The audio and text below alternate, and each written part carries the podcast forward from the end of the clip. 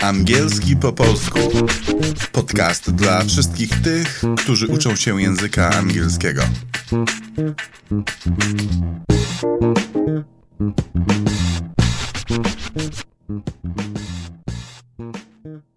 Cześć, witam Was wszystkich. To jest drugi odcinek podcastu Angielski po polsku. I na początku należą Wam się wszystkim przeprosiny, bo w pierwszym odcinku mówiłem, że podcast będzie ukazywał się co dwa tygodnie, a tymczasem od pierwszego odcinka do teraz minęło już prawie 5 miesięcy. I to wszystko wina mojego niezbyt dobrego planowania i pewnie też troszkę nazbyt ambitnego. Pomimo tego, że wiedziałem, że pojawi się u nas nowy domownik, to i tak sądziłem, że będę w tym czasie podcast nagrywał. Ale okazało się, że nie jest to takie proste. Byłem ciągle niedospany, zmęczony i pomyślałem sobie, że ten podcast to może nie jest najlepszy pomysł na teraz. I odłożę go na jakąś bliżej niesprecyzowaną przyszłość. Dam sobie z nim na jakiś czas spokój. Ale stało się coś, czego szczerze mówiąc nie spodziewałem się wcale. Zacząłem dostawać od Was wiadomości, w zasadzie przypominające mi o tym, że nie ma kolejnych odcinków. Wszedłem też ostatnio na platformę hostingową, na której podcast się ukazuje i zobaczyłem, że ten pierwszy odcinek jest ciągle pobierany i w zasadzie codziennie ktoś go ściąga i słucha. No i zdałem sobie sprawę, że nie mogę teraz porzucić nagrywania, bo byłoby to nielojalne wobec słuchaczy, których mam, czyli wobec Was. Więc chciałbym Wam wszystkim podziękować za te ponaglenia. To bardzo miłe, że chcecie mnie słuchać i obiecuję, że będę teraz grzeczny i będę nagrywał podcast dużo częściej. No dobrze, przejdźmy do rzeczy. Dzisiejszy odcinek ma tytuł Co to są czasy, ile jest czasów angielskich i wprowadzenie do czasu present continuous. Wszyscy, którzy zaczynają się uczyć angielskiego, ale ci też, którzy się już uczą, boją się tego, że czasów angielskich jest bardzo wiele. Na dobrą sprawę tak naprawdę nie wiadomo ile, ale pewnie koło 700 albo coś koło tego. Chcę was uspokoić, nie ma ich aż tak dużo.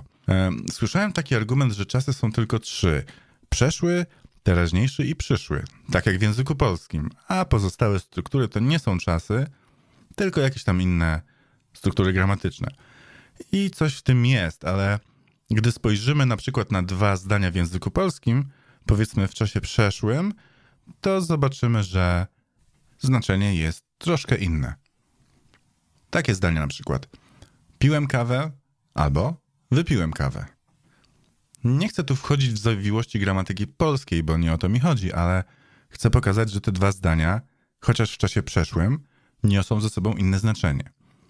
Podobnie jest w języku angielskim. Można powiedzieć I drank coffee, wypiłem kawę, albo I was drinking coffee, piłem kawę. No i to są dwa różne czasy. Pierwszy z tych czasów to past simple, a drugi to past continuous.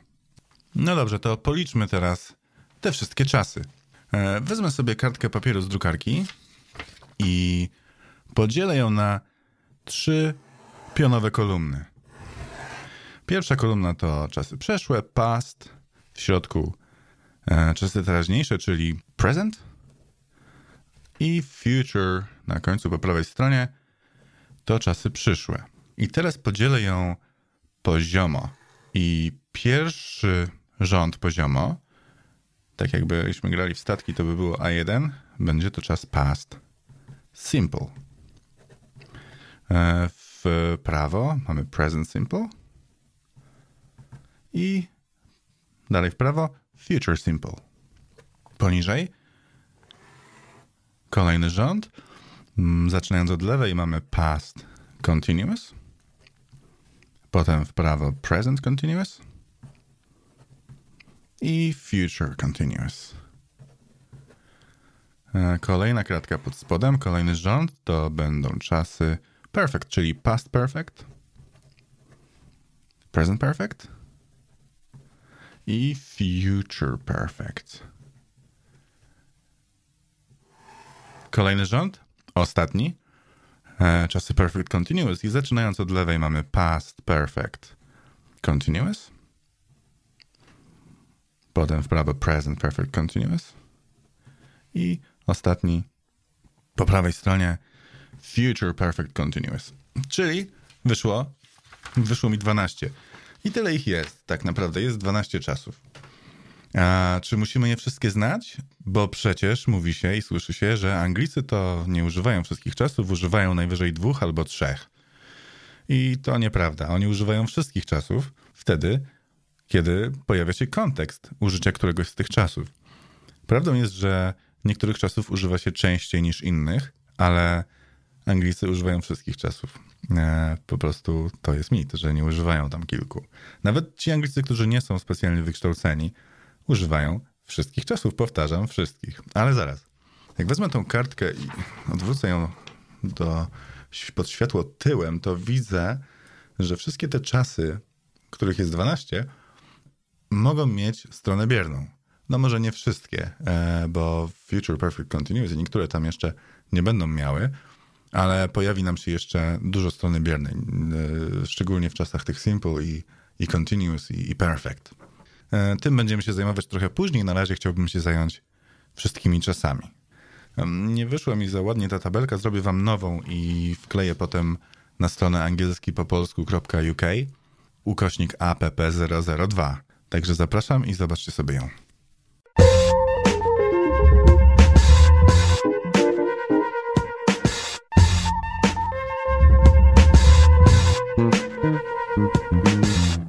Dziś zajmiemy się czasem present continuous. Dlaczego właśnie nim? Bo od razu zrobimy sobie odmianę to be, która jest pierwszą lekcją gramatyki angielskiej, którą każdy musi przerobić tak, żeby się nie mylił. To będzie nieśmiertelne I am, you are, ale nie wyłączajcie odbiorników, jeśli już to znacie. Muszę to zrobić niejako dla porządku i pamiętajcie o tym, że nawet najprostsze struktury są używane w trudnych i zawiłych zdaniach. A więc jeśli chcemy powiedzieć zdanie oznajmujące, to odmieniamy tak. I am, you are, he is, she is, it is, we are, they are. Kiedy zadajemy pytania, am I, are you, is he, is she crazy, is it, are we, are they. No i wreszcie przy przeczeniach. I am not, you are not, He is not, she is not, it is not, we are not, they are not. Tu przy przeczeniach mamy do wyboru dwie krótkie formy. Można mówić he's not albo he isn't. We're not albo we aren't. She's not albo she isn't. Znaczenie jest takie samo. I generalnie zawsze w angielskim mówionym używa się skróconych form, chyba że chcemy powiedzieć coś z emfazą. It is not my fault. To nie jest moja wina. To jeszcze trochę przykładów. He's not very clever, is he? On nie jest zbyt bystry, prawda? No, he's not the sharpest knife in the drawer. Not the sharpest knife in the drawer. Ktoś nie jest najostrzejszym nożem w szufladzie. Hmm, angielski idiom, ale chyba nie muszę go tłumaczyć. To jeszcze. We're not in it for the money. Nie robimy tego dla pieniędzy. Are you serious? Mówisz poważnie? Is it one of yours? Czy to jest twój? We're not in the right lane. Nie jesteśmy na dobrym pasie. Where are you? Gdzie jesteś? Who is it? Kto to jest? They aren't very easy. Nie są zbyt łatwe. Is it your first day? Czy to twój pierwszy dzień? It's not my best one for sure. No, na pewno nie najlepszy. It's your last chance. To twoja ostatnia szansa. Why is it still here? Dlaczego to tu ciągle jest? The children are in the garden. Dzieci są w ogrodzie. She's at work.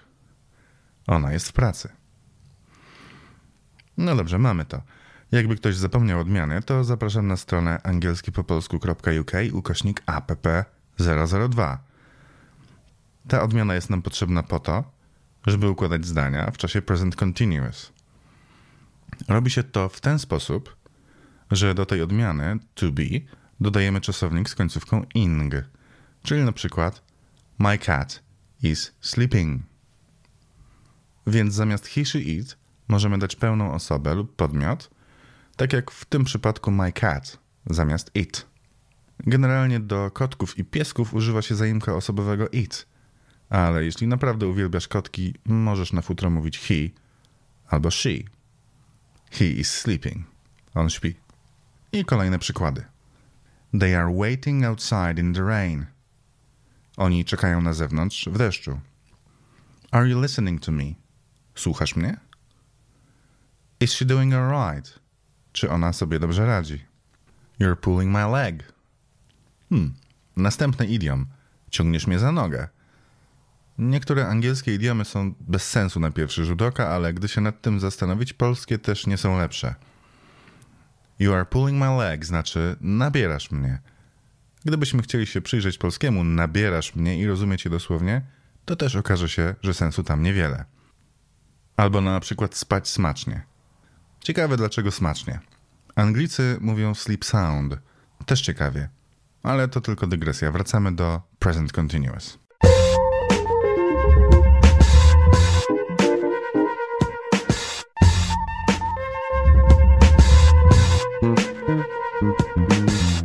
Dobrze, wiemy już jak wyglądają zdania w czasie present continuous. Teraz chciałbym wam powiedzieć o kontekstach, w jakich tego czasu się używa. Kontekst pierwszy. Przede wszystkim mówimy o rzeczach lub czynnościach, które dzieją się w tej chwili. Ja mogę powiedzieć I am recording a podcast episode, a ty możesz powiedzieć I'm cycling and I'm listening to a podcast, jeśli akurat jedziesz na rowerze. Albo po prostu I'm listening to a podcast right now. Słucham teraz podcastu. Tak naprawdę nie trzeba w tych zdaniach używać słów now albo at the moment. Sama konstrukcja present continuous daje nam ten kontekst. Może jeszcze kilka przykładowych zdań. Is it even working? Czy to w ogóle działa? I'm trying to clean my room. Próbuję posprzątać mój pokój. She's doing it again. Ona znów to robi. What is she doing? Co ona robi? I'm writing emails now. Please don't disturb. Piszę teraz maile. Proszę nie przeszkadzaj. We're trying to fix it. Próbujemy to naprawić. They're not staying in this hotel. Oni nie mieszkają w tym hotelu. Słówko stay nie oznacza mieszkać, ale zatrzymać się gdzieś tymczasowo, na przykład w hotelu albo u znajomego. Na przykład He's staying with Richard before he finds his own place. On pomieszkuje u Richarda, zanim znajdzie swoje własne miejsce. I jeszcze. You're making a huge mistake. Popełniasz bardzo duży błąd. Sorry, can't talk now. I'm doing shopping. Przepraszam, nie mogę rozmawiać. Robię teraz zakupy. Drugim kontekstem użycia tego czasu są czynności i stany tymczasowe. Na przykład, kiedy ktoś mówi: Robię kurs na prawo jazdy. I'm taking driving lessons. I wiadomo, że jeśli ktoś mówi takie zdanie, to nie oznacza, że właśnie w tej chwili siedzi za kierownicą Fiata Punto i pocą mu się ręce, tylko po prostu jest w trakcie kursu. I podobnie I'm working from 10 to 6 this week because one of my colleagues is ill. Pracuję w tym tygodniu od 10 do 6, bo mój kolega z pracy jest na chorobowym. Słówko colleague oznacza współpracownika, kolegę z pracy. Łatwo jest przetłumaczyć słówko colleague na polskie słówko kolega, ale tak naprawdę colleague to jest twój współpracownik. Jeśli to jest twój znajomy albo przyjaciel, mówi się friend. I jeszcze jedno zdanie. I'm learning Spanish because we're going to Spain for holidays. Uczę się hiszpańskiego, bo jedziemy na wakacje do Hiszpanii. Kolejnym kontekstem jest sytuacja, w której jesteśmy zirytowani jakąś powtarzającą się sytuacją albo czyimś zachowaniem. This car is always breaking down. Ten samochód ciągle się psuje. Mimo tego, że kontekst nie jest teraz, używa się czasu present continuous. Ale jeśli jesteśmy spokojni jak buddyjski mnich, można powiedzieć po prostu This car breaks down quite a lot. Albo jeszcze takie przykłady. He's always holding me back. On zawsze mnie powstrzymuje. Sally is always complaining I hate it. Sally zawsze narzeka. Nie cierpię tego. Czwartym kontekstem jest kontekst, w którym używamy czasu present continuous, żeby mówić o najbliższej przyszłości, o jakichś planach na najbliższe dni. My też w języku polskim używamy czasu teraźniejszego do mówienia o przyszłości. Na przykład, kiedy mówimy idę wieczorem na siłownię albo spotykamy się jutro o 20. Mówimy w czasie teraźniejszym, ale odnosimy się do przyszłości. Ten kontekst łatwo zrozumieć, kiedy wyobrazimy sobie, że oglądamy swój kalendarz i mówimy na przykład Hmm, tomorrow at 1 p.m. I'm having lunch with Kate. Jutro o pierwszej mam lunch z Kate. Today after work I'm going shopping. Dziś po pracy idę na zakupy. They are flying to Berlin tomorrow morning. Oni lecą do Berlina jutro rano. She's not coming. Ona nie przyjdzie. We're not going there. Nie idziemy tam. They are inviting Natasha. Oni zapraszają Nataszę. Jest jeszcze kilka innych sposobów na to, aby mówić o przyszłości, ale na pewno jeszcze o nich powiem w którymś z przyszłych podcastów. Jest jeszcze jeden szczególny rodzaj zastosowania czasownika to be w e, formie continuous z końcówką ing, żeby powiedzieć, jak ktoś się w tej chwili zachowuje. Mówimy na przykład She is being rude. Ona zachowuje się w niegrzeczny sposób. You are being silly. Zachowujesz się głupio. He is being condescending. Ona zachowuje się protekcjonalnie. You are being cruel. Jesteś okrutna. W tym momencie. Tak więc, jak widać, mamy co najmniej pięć kontekstów użycia czasu present continuous. Najważniejszym jest ten, który opisuje nam stany i sytuacje dziejące się teraz. Ważny jest też ten, który mówi o przyszłości.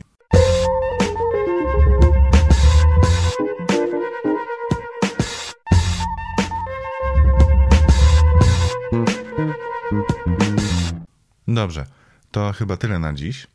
Wszystkie przykłady zdań możecie zobaczyć na stronie angielskipopolsku.uk ukośnik app002. A dodatkowo dodałem jeszcze kilka zdań, żebyście mogli sprawdzić, czy poprawnie układacie strukturę present continuous. Są to zdania po polsku i jak klikniecie na przycisk obok zdania, pokaże się ono po angielsku. Jak już zauważyliście, podaję tłumaczenia zdań na język polski w podcaście i to właśnie będę robił dalej, bo takie jest założenie podcastu angielski po polsku. I zapraszam jeszcze na naszą facebookową zamkniętą grupę angielski po polsku. Jeśli macie jakieś pytania lub sugestie, proszę podzielcie się nimi. Można też do mnie pisać na adres podcast. Dzięki i do usłyszenia w następnym odcinku.